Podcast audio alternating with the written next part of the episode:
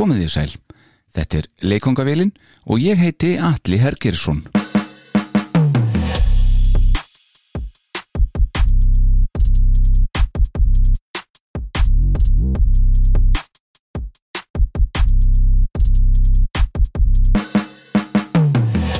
Í dag horfum við í austurátt og það alla leið til Svíþjóðar og við kíkjum á upprisum, fall og loksdauða eins af vinsælustu rockböndum þessa svokallarar nágranna þjóðar okkar. Við ætlum nefnilega að fara yfir feril hljómsveitarinnar Kent sem náði hátindi sínum árið 1998 með blötunni í sóla. Eða hvað? Var það hátindur ferils þeirra? Hvað gerðist fyrir þetta magnaða band sem virti svo sannarlega eiga framtíðina fyrir sér á alþjóðluðu markaði? Hver er baksaga bandsins og hverjir voru þetta? Saga þessara frábæru sveitar hér í leikfangavillin í dag og allt er þetta í bóði Böttvæsir Bútvar, hins tjekkneska.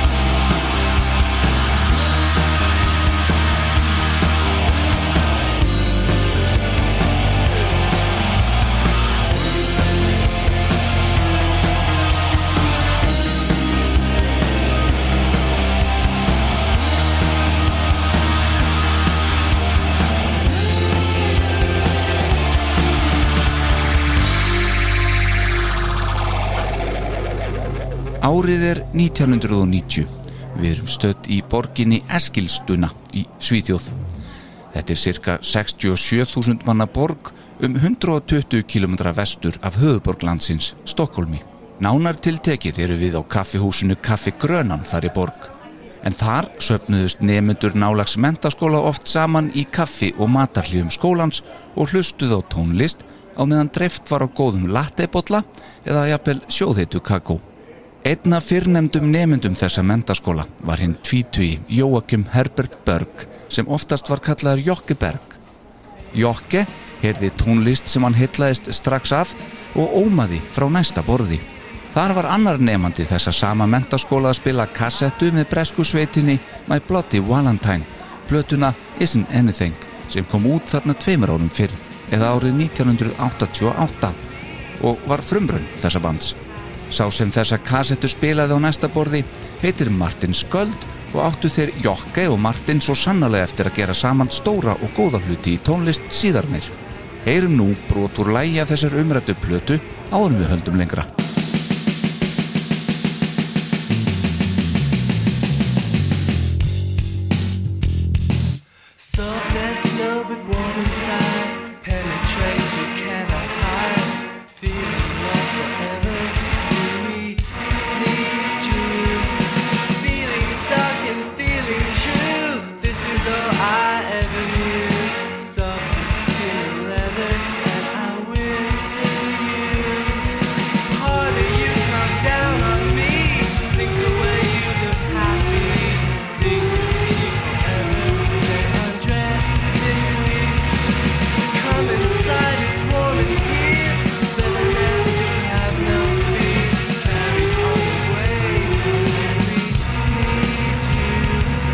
Þarna á Kaffi Grönan, veturinn 1990, þekktust þessir tveir ekki neitt, þrátt fyrir að vera í sama mentaskóla og vera báðir fættir árið 1970.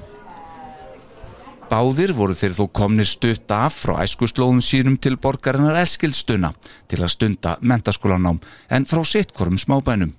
Jokke var eins og áður sagði það heitlaður á tónlistinni sem Martin spilaði á kaffihúsinu að hann varð að fara til hans og gefa sig á tal við hann.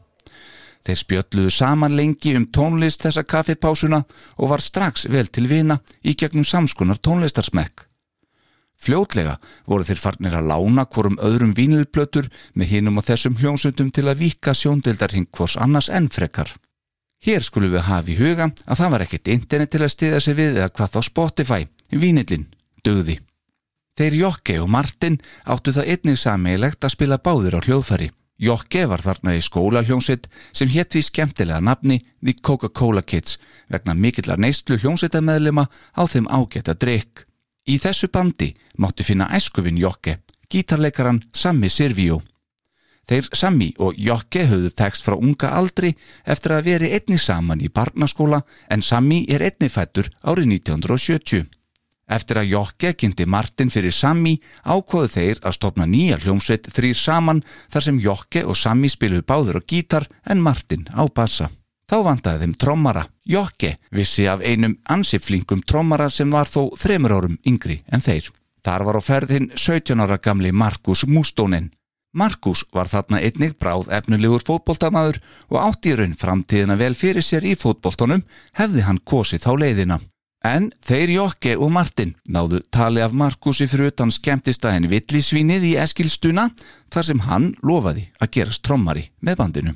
Loford sem hann stóð við þrátt fyrir að vera í verulega annarlega ástandi þegar það var gefið sökum neistlu áfengis. En hvað um það? Bandið var að verða fullmannað. Enga vantaði þó. Við mögum ekki gleyma áhrifunum sem að Blotti Valentine hafði á þó Jokke og Martin og var til þess að þeir tóku tal saman í fyrstu.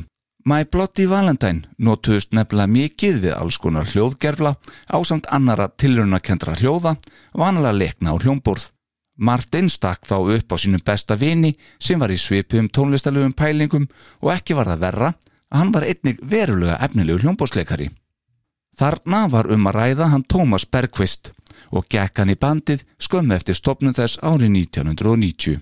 Bandið sem stopnað var fekk nafnið Jones og Gifted eða á íslensku Jones og Eitrið.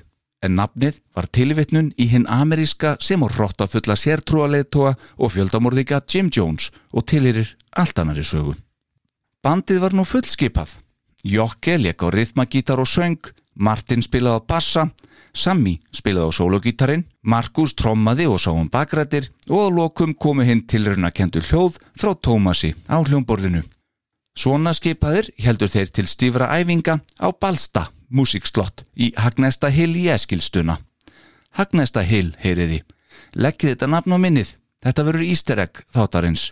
Balsta músikslott í Hagnesta Hill er menningarhús rekið af borginni þar sem ungar sem og reyndar hljómsveitir fá æmingarhúsnaði útluta til að skapa sína tónlist og fengu þeir félagar í Jones og Gifted þar eitt af 70 æmingarherbyggjum húsins til að hefja sína vegferð. Vegferð sem átti sennilegast eftir að taka þá lengra en þeim sjálfum grunaði því um tíu árum síðar áttu þeir eftir að verða einn stærsta rocksveitin í sögu svíþjóðar. Aukaðvita hljómsveita eins og The Cardigans, Europe og fleirum. En nánar um það hér á eftir. Formaður nefndafélags skólans drengur að nafni George Nemeth var fljótt heitlaður af tónlistinni sem Jones og Gifted hófa fremja. Hann var þarna í gegnum starfsvitt fyrir nefndafélagi nokkuð veltengdur hinga á þangað í þó nokkuð nálaðum tónlistarheimi í Eskilstuna. George náða útvega þessu nýja aðtegli verða og tilrunakenda bandi nokkrum kikum. Það fyrsta fór fram í smábænum Lindesberg en það næsta á nætuklúnum Nikovs. Það síðarnemda fór fram á sundarskvöldi fyrir framann ekki mikið fleiri en svona tíu tónleikagesti. Þá náði George Nemeth einnig að útvega Jones og Gifted nokkrum tímum í Skyline hljóðverinu þar sem þeir náðu að taka upp demo meðal annars þetta sem hljómar hér undir.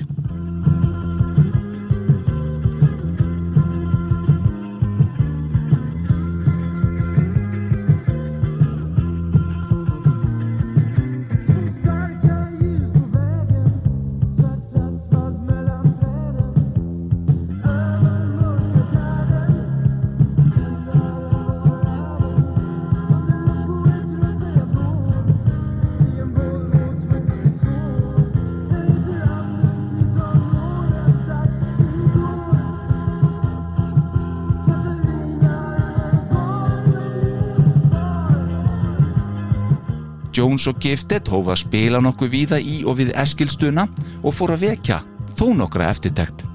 Ári eftir stopnum bandsins sá þá maður að nafni Michael Svedberg á tónleikum.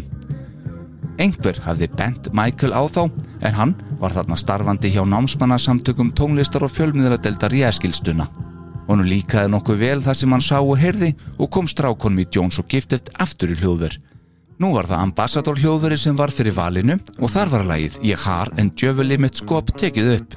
Bæði þegar Michael Svedberg sem og George Nemeth hjálpuðu svo bandun að gera tónlistarminnband við þetta lag og notuðu til þess leikmyndur leikriti sem verið var að sína á sama tíma á Ísokki leikvagnum í Eskilstuna. Þetta vídeo fekk svo sem ekki mikla spilun þessum tíma fyrir internetið en það var þó sínt á einhvers konar videoháttið þar í borg sama ár og svo í raun ekkert mikið meira fyrir en í sérþættu um hljómsveitina Kent sem gerð var mun setna á tíunda áratögnum og sínt í svenska sjónvarpinu.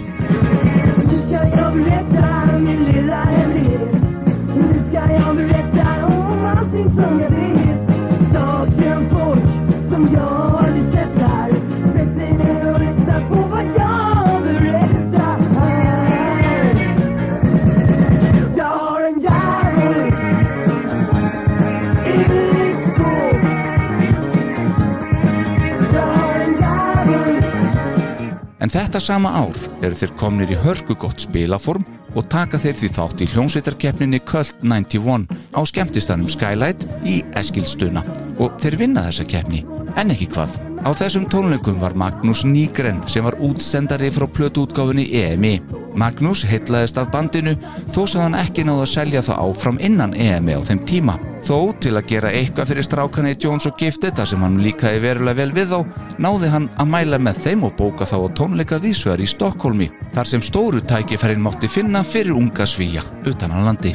Árið 1992 gengur í garð. Spilamennskan hjá Jones og Gifted hefur aukist jæmt og þjætt síðustu tvö árin og þá sérstaklega á nýliðinu ári 1991.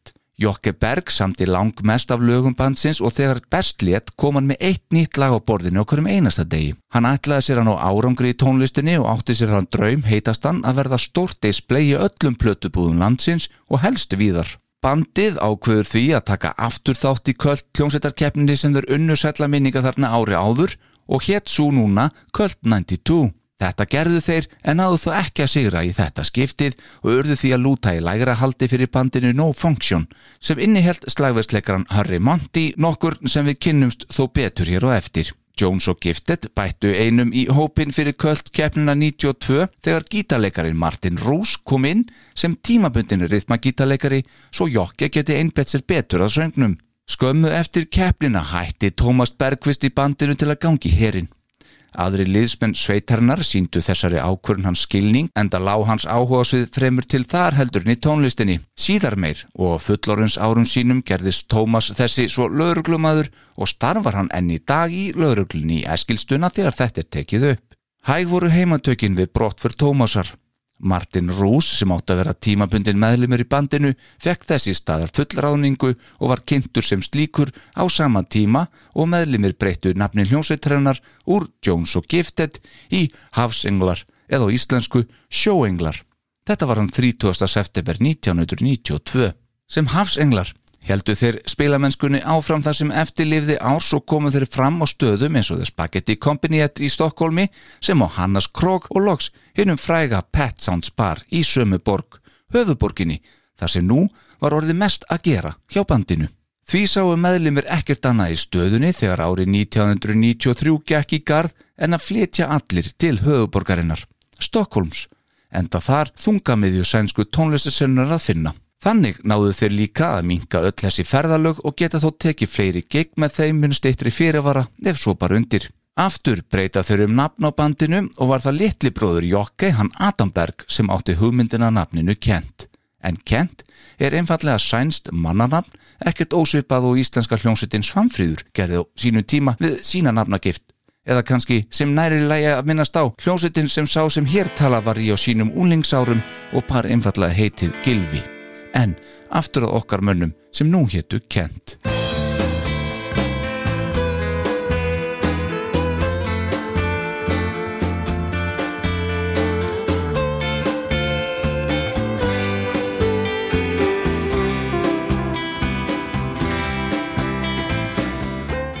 Til að styrkja ímyndsina en frekar hófu þeir að koma fram í sörtum jakkafötum á tónleikum og spiluðu þeir þannig víða árið 1993 og enduðu árið með því að spila í útgáðuparti sem sænska rocksveitin Bob Hund held í lokás þegar þeir gáð út sína fyrstu blötu samlundri sveitinni og við heyrum tóndæmi af fyrir undir. Í mars árið 1994 komust Kent svo í áttarása hljóðver í Nýtorpsskólan við Blósut í Stokkólmi og tóku þar upp tíulega demoplötu við nokkuð frumstaðar aðstæður þó. Þessar upptökur ætluðu Kent-liðar að nota til að koma sér á plötusamning og var því vandað eins vel til verka og mögulegt var. Þessum demo upptökum var dreift til nokkura áhrifamanna í sænsku tónlistasinnunni og fekk meðal annara Peter Eihatten hjá Pet Sounds plötuverslinu þær í hendur. Petter var ekki alveg ókunnur bandinu þó því hann sá einnig um að bóka hljómsveitir á Pet Sounds barinn en þar höfðu okkar menn spila nokkur sinnum nú þegar eins og komið hefur fram. Petter hætti störfum hjá Pet Sounds rétt eftir hann fekk demoinn og hóf störf hjá BMG útgáfinni. Það var gæfuskref fyrir Kent. Í april árið 1994 lefði hann Per Lindholm sem var aðal útsendari BMG að heyra þessa tíulega demoplötu. Per var verulega hrifin og heyrði að það var eitthvað meir en mikið spennandi við þetta band. Kent, hann ákvaða skoðaðu betur. Stóra tækifæri okkar manna kom svo þann 8. júni í sama ár, 1994. Kent hitta upp fyrir sveitina The Cardigans í Tantugarden í Stokkólmi. Per Lindholm hjá BMG sannferðist endalega á þessum tónleikum og býðu þeim samning að þeim loknum. En á þessum tónleikum var þó að finna útsendara frá öðrum útgáðum sem einnig buðu kent samning, meðal annars EMI sem ekki vildi þá þarna þremur árum fyrr. Óöfni þeir, þeir gáfi sér nokkra daga til að fara vel yfir samningsdraugin sem fyrir fram að þá lágum og ákvaðu lóks að velja BMG útgáfuna. Ástæðan var að uppistöðunni til vegna þess að sásamningur innihjalt fullkomið listrænt frelsi fyrir hljómsveitina við sköpun og upptökur á væntalegri fyrstu blötu þeirra. Eitthvað sem þeim hugnaðist verulega vel. Fyrsti plötusamningur Kent var því undirreitaður þann 27. júni 1994 og um haustið hófust upptökur á þeirra fyrstu breyðskifu í Silence-kljóðurinn í smábænum Kopom og var hugmyndin að fullgera tíulaga demoplötuna þarna áður í fullkonum gæðum.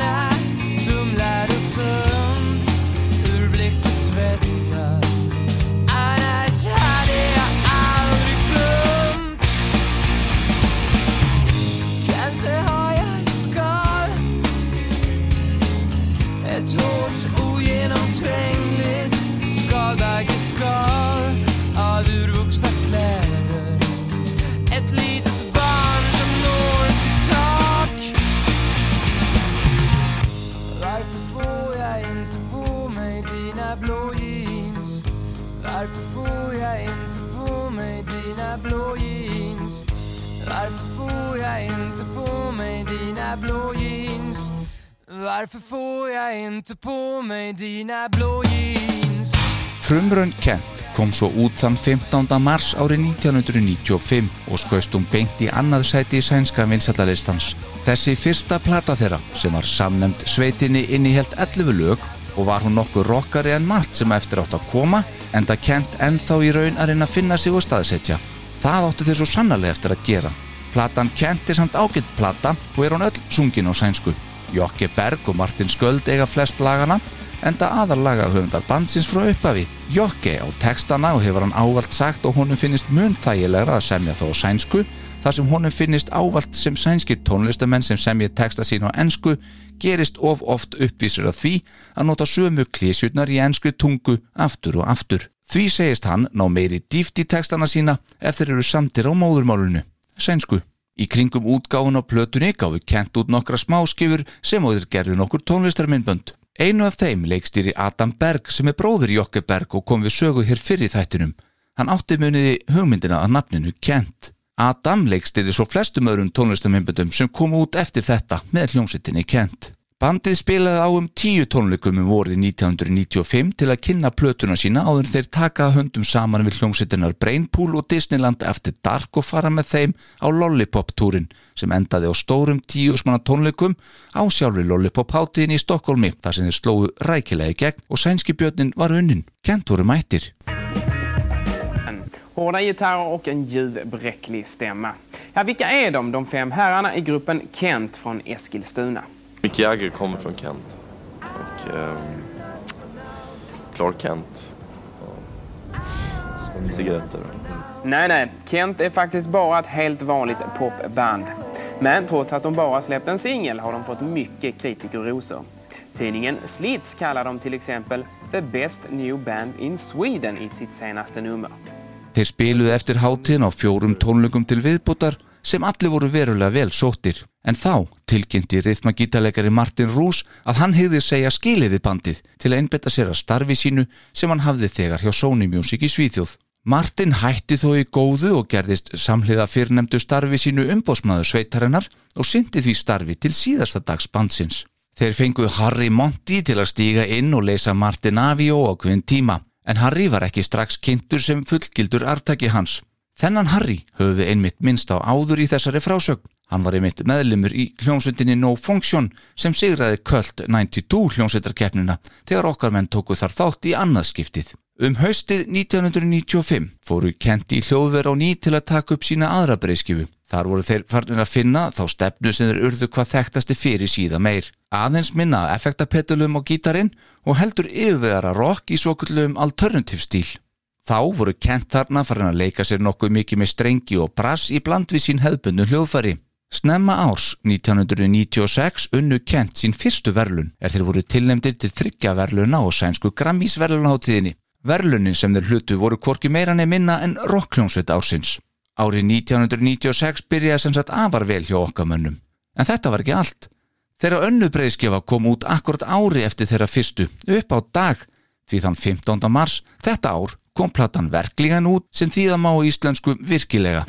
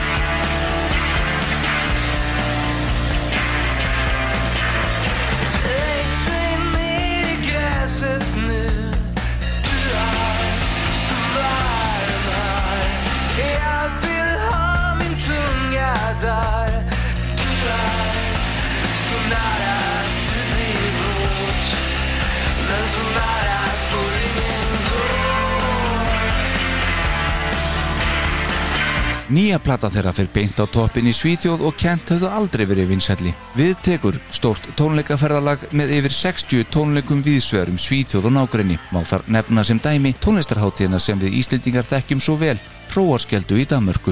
Samstarfið við Harry Monty gekk vonum framar og hann smellpassaði hópin. Hann var líka afar fjölhæfur og skilaði góðu starfi á öllum tónleikum, ímist á rithmagítar, slagverk eða hljómborðið en þarna voru flestir meðlimir farnir að spila að einhverjum hlutað minnstakosti á hljómborð eða annan hljóðgerfil.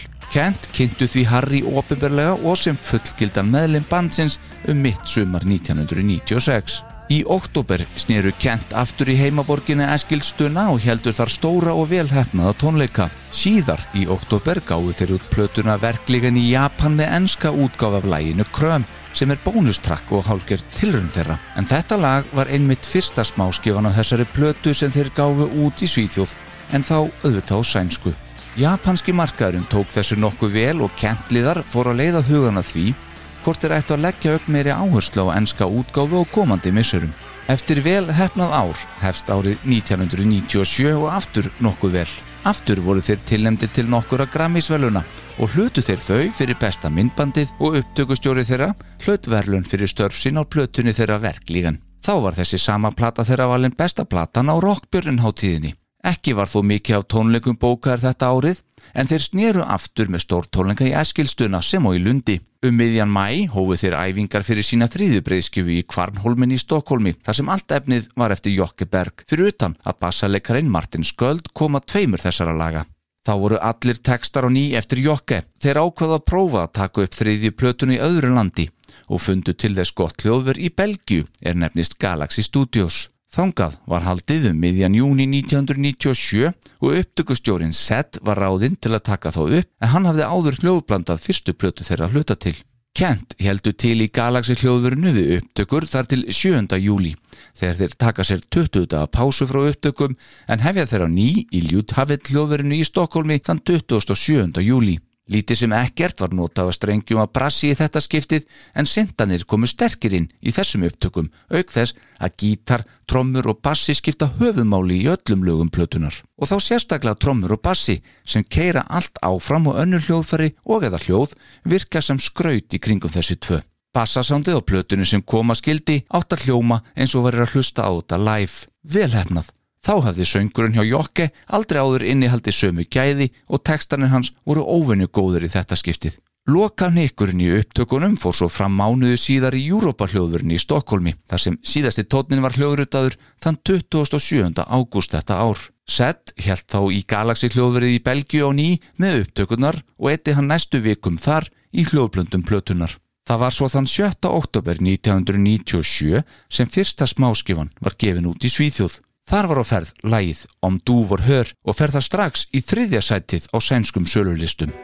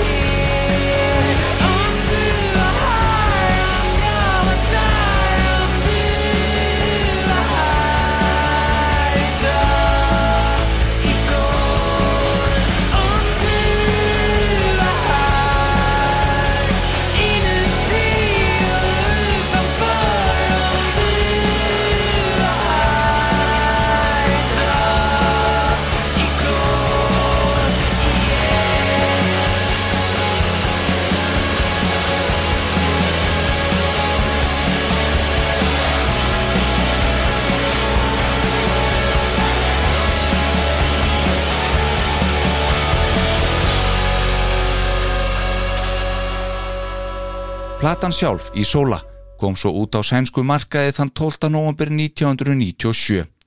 Ellu laga plata þar á ferð sem fyrir beint í gull sem er í Svíþjóð 50.000 seld eintök og fór hún því rakleiðis í toppsætið í heimalandinu og það með yfirbörðum. Mánuði síðar var fyrir nefnd smáskifa einni komin í gullsölu og áður en ári var liðið fengu kent verlun frá heimaborgin í Eskilstuna þegar nýlega stopnu tónlistavelun þar í borg var afhengt þeim á sérstakri viðharnarháttíð við mikinn fögnuð viðstatra. Yfirburða ári í lífi kent laug og við tók árið 1998 og eins og áður með tilhörandi tilnefningum til Ímissa verluna.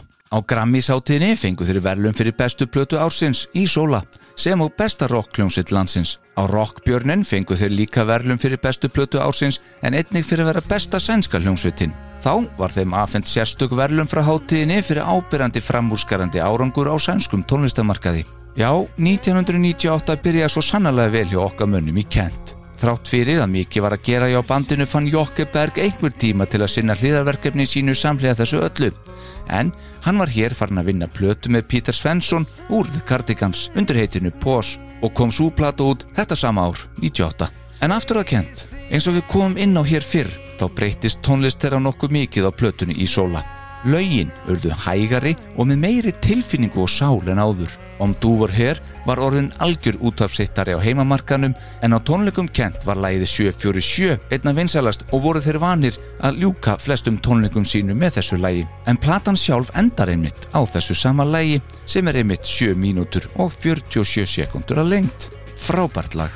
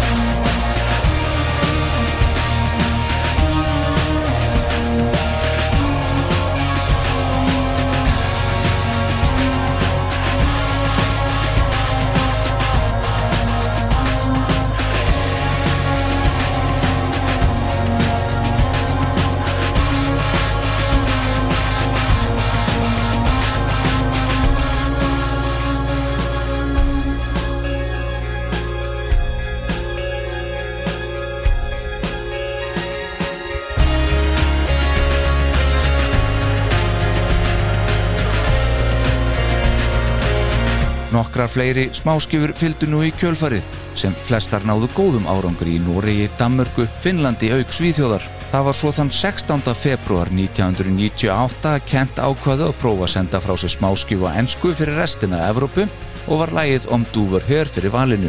En nú hétt það If You Were Here. Kent voru á fullri ferð á Ísólatúrnu sínum þegar að ennska útgóðan kom út. Það er ekki að spyrja því If You Were Here sló rækileg gegn við svegarum Evrópu sem var til þess að Kent gaf út í sólarplötuna í heilsinni og ennsku fyrir Evrópumarkað þann 27. apríl og hófu sinn fyrsta Evróputúr þann 17. mæ sem í raun stóð meira og minna út megnum árinu 1998 en hún laug þegar vel var komið inn í oktober. Undirritaður sá þá einmitt á hróarskeldu þetta ár þar sem þeir reyndar sungu allt sitt efna á sænsku en enga síðu frábæri tónleikar. Þó svo að ennska útgáfan af Ísóla hafi selst vel innan Skandinavíu seldist hún hægar á öðrum mörkuðum Evrópu. Ennska útgáfan innihjalt 12 lög en ekki 11 líkt og svo sænska þar sem læginu velvett var bætt við. Þrátt fyrir lakari viðtökur í Evrópu heldur en meðlimur og útgefundur byggust við var það ávalt stefnan hjá bæði bandinu sem á útgáfi fyrirtækinu að ráðast með Ísóla að vopni á bandaríska markaðin. Allur slíkur undirbúningur tekur þó tíma og betri að fara vel af stað og rétt af stað frekar hann að ana út í óvissuna á þeim stóra markaði sem þar er. Útgáfi fyrirtekið þeirra vann að rétta planinu þegar að óvenda hjálp bara gardi. Um hásumar 1998 var hinn frægi útvarfs DJ DJ Gene Bean Baxter af útastöðunni KR og Q í LA stattur hér í fríi á Íslandi. Sænskur skiptinemi hér á landi hittir hann fyrir og lefði honum að heyra ennsku útgáfuna af If You Were Here.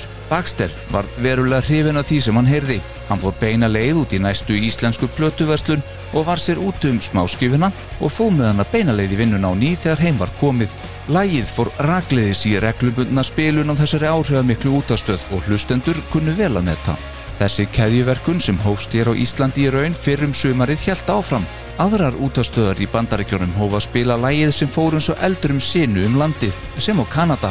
Þetta var til þess að útgáfi fyrirtæki þeirra kentmanna ákvaða hamrajátnið á meðan það var heitt og þeir gáfu út í sóla bæði í bandaríkjónum sem á Kanada þann 15. september og sendu bandið yfir Allandshafið strax í uppafi november 1998 eftir að þeir löku við sinn fyrsta Evropatúr. Í bandaríkjunum komu þeir fram í útvastáttum sem á sérstökum showcase-kikkum sem eru eins konar sölugikk fyrir bransan þar í landi. Þá spiluðu þeir á hinnum fræga Bári Ballroom í New York sem uppbytunaband fyrir samlanda sína í The Cardigans áður en haldi var heim á ný í jólafrí. Í lok árs 1998 setur breska tónlistatímariti Melody Maker plötuna í sóla í 50. sætið yfir 100 bestu plötur ásins. Velgert og verðskuldað, enda fantagóð plata. Árið 1999 átt að vera árið sem bandaríski markaðurinn átt að vinnast fyrir fullt og allt. Kent hófur reyndar árið með því að halda tónleika í Stokkólmi í þeim eigin tilgangi þó að skjóta þar tónlistarmyndband við lokalarplötunar í Sóla, lægið 747 áður en haldi var að stað í lok januar á Breitlandstúr. Að þeim túrloknum var stefnan sett á þeirra fyrsta Norður Amerikutúr sem uppbytunarband fyrir það Cardigans. Sá túr stóð allan februarmánuður 1999. Myndbandið sem þeir gerðu fyrir 747 kom út 1. mars og aðeins í ennskri útgáfu. Öll megin áhersla var hér sett á ennska útgáfu og langmest af markastarfinu var því á ennsku.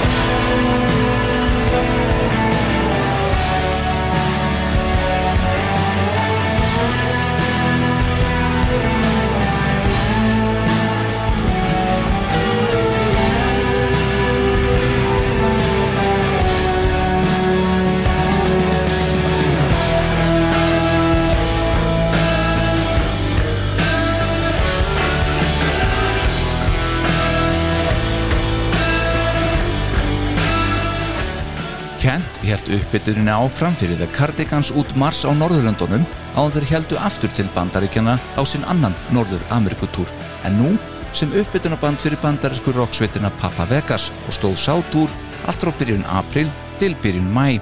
Kent enduðu svo þessa miklu keislu árið 1999 með tónleikum á vegum MTV sjónvastöðurinnar á Shepherd's Bush Empire tónleikastanum í London. Eftir stuttapásu þar sem eftirliði mæ þessa árs voru kentliðar mættir til æfinga á ný fyrir nýtt efni á næstu breyðskjöfu sína en hana átt að gefa út líka bæði á sænsku og ennsku. Aftur var það upptökustjórin Sett sem fengi var til liðsu bandið og var þeirra fjörðabreiðskifa tekinu upp bæði í Svíþjóð sem á Danmörku sumari 1999 og fram á hausti það ár. En loks kljóðblönduð og aftur af Sett bæði í Brussel í þetta skiptið og í París. Fjörðaplatan þeirra, Hagnesta Hill, kom svo út þann 7. desember 1999 á sænsku en þann 28. april árið 2000 á ennsku. Þarna segja margir að Kent hafi fallið á prófinu. Ævintýrasagan og rússipannareiðin sem meðlimir bandsins höfðu farið saman utan svíþjóðar var í raun að enda. Öll lögin og allir tekstar voru aftur eftir Jókum Berg. Martin Sköld, bassalikarinn Knái, átti þó bút úr fyrsta lagi plötunar The King is Dead sem er í raun ágetist lagi hildina séð og sennilegast besta lag plötunar ef fráir tali lagið Music Non-Stop en það lag náði þrátt verið allt ágetis árangri þó vissulega ekki þeim sem flestir vonuðu. Þetta er einhvers konar disco-rock smellur sem á engan hátt passaði sem eftirfylgni í sólaplötunar þó fínt sé eins og áður segði.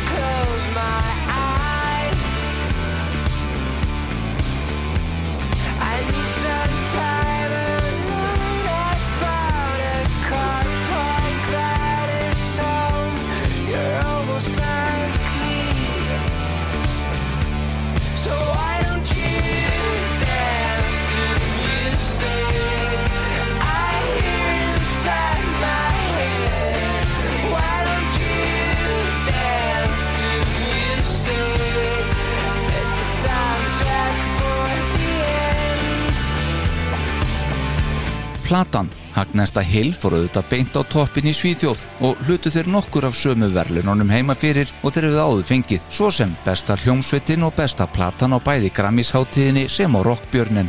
En hinn alþjóðliði markaður tók bara ekki við sér. MTV í Evrópu spilaði þó nokkuð mikið tónlistamimbati við lægið Music Non-Stop en það dögði ekki til. Bandaríski markaðurinn afþakkaði plötuna og hætt var við útgofa hennar þar í landi og væntanlegi Norður Amerikutúrin blásinn af þar sem engin plata var til staðar til að fylgja eftir og lítill áhugi var á fyrirhugum sjókerstónleikum sem þeir ætluð að halda.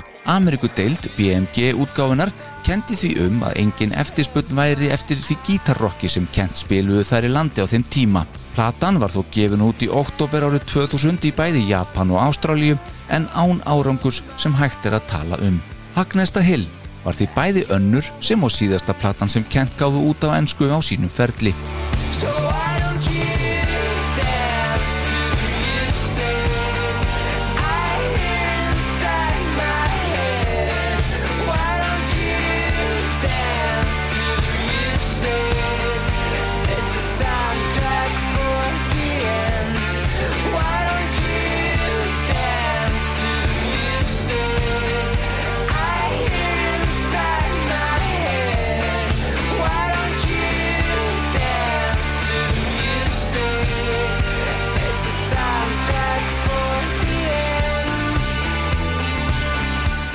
Eftir þó nokkra spilamennsku á þessu ári þar sem þeir komu við meðal annars í Reykjavík og heldu tónleika þar þann 11. júni þetta ár ágáðu kentliðar að taka sér kerkomna pásu eftir feiki mikla keislu síðustu 23 árin og lágu þeir í dvala megnið á árinu 2001. Sumir meðlima slöpuðu alfarið af á meðan aðri snýru sér að hlýðarverkefnum. Til að mynda tók Jokke Berg upp samstarfsittið Petur Svensson úr því Cardigans og ný og fleira til.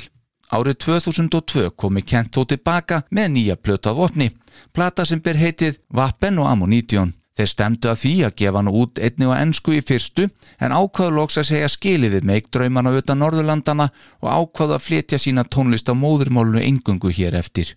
Sennilegast bæði brendir og þreytir og keistlunni sem það er að reyna að koma staði hinnum stóra alþjóðlega tónlistarheimi, sér er lægi hinnum bandaríska. Nýja smáskjöfan þeirra á árinu 2002 var við lægið Dom Andra og þarna má heyra að Kent voru mun meir en búin að sætta sig við að verða einhverjum hljómsutt fyrir heimamarkaðin því lægið sem er reyndar á topp þremur við mest spiluðustu lögin þeirra á Spotify er eitthvað svo svakalega nordik, eitthvað svo skandinavist. Ekki nema von, því vinsaldið þeirra gerðu ekki annað en að aukast reynlega í allri Skandinavíu upp frá þessu og var það fyllilega nægilegt fyrir okkar menn í Kent.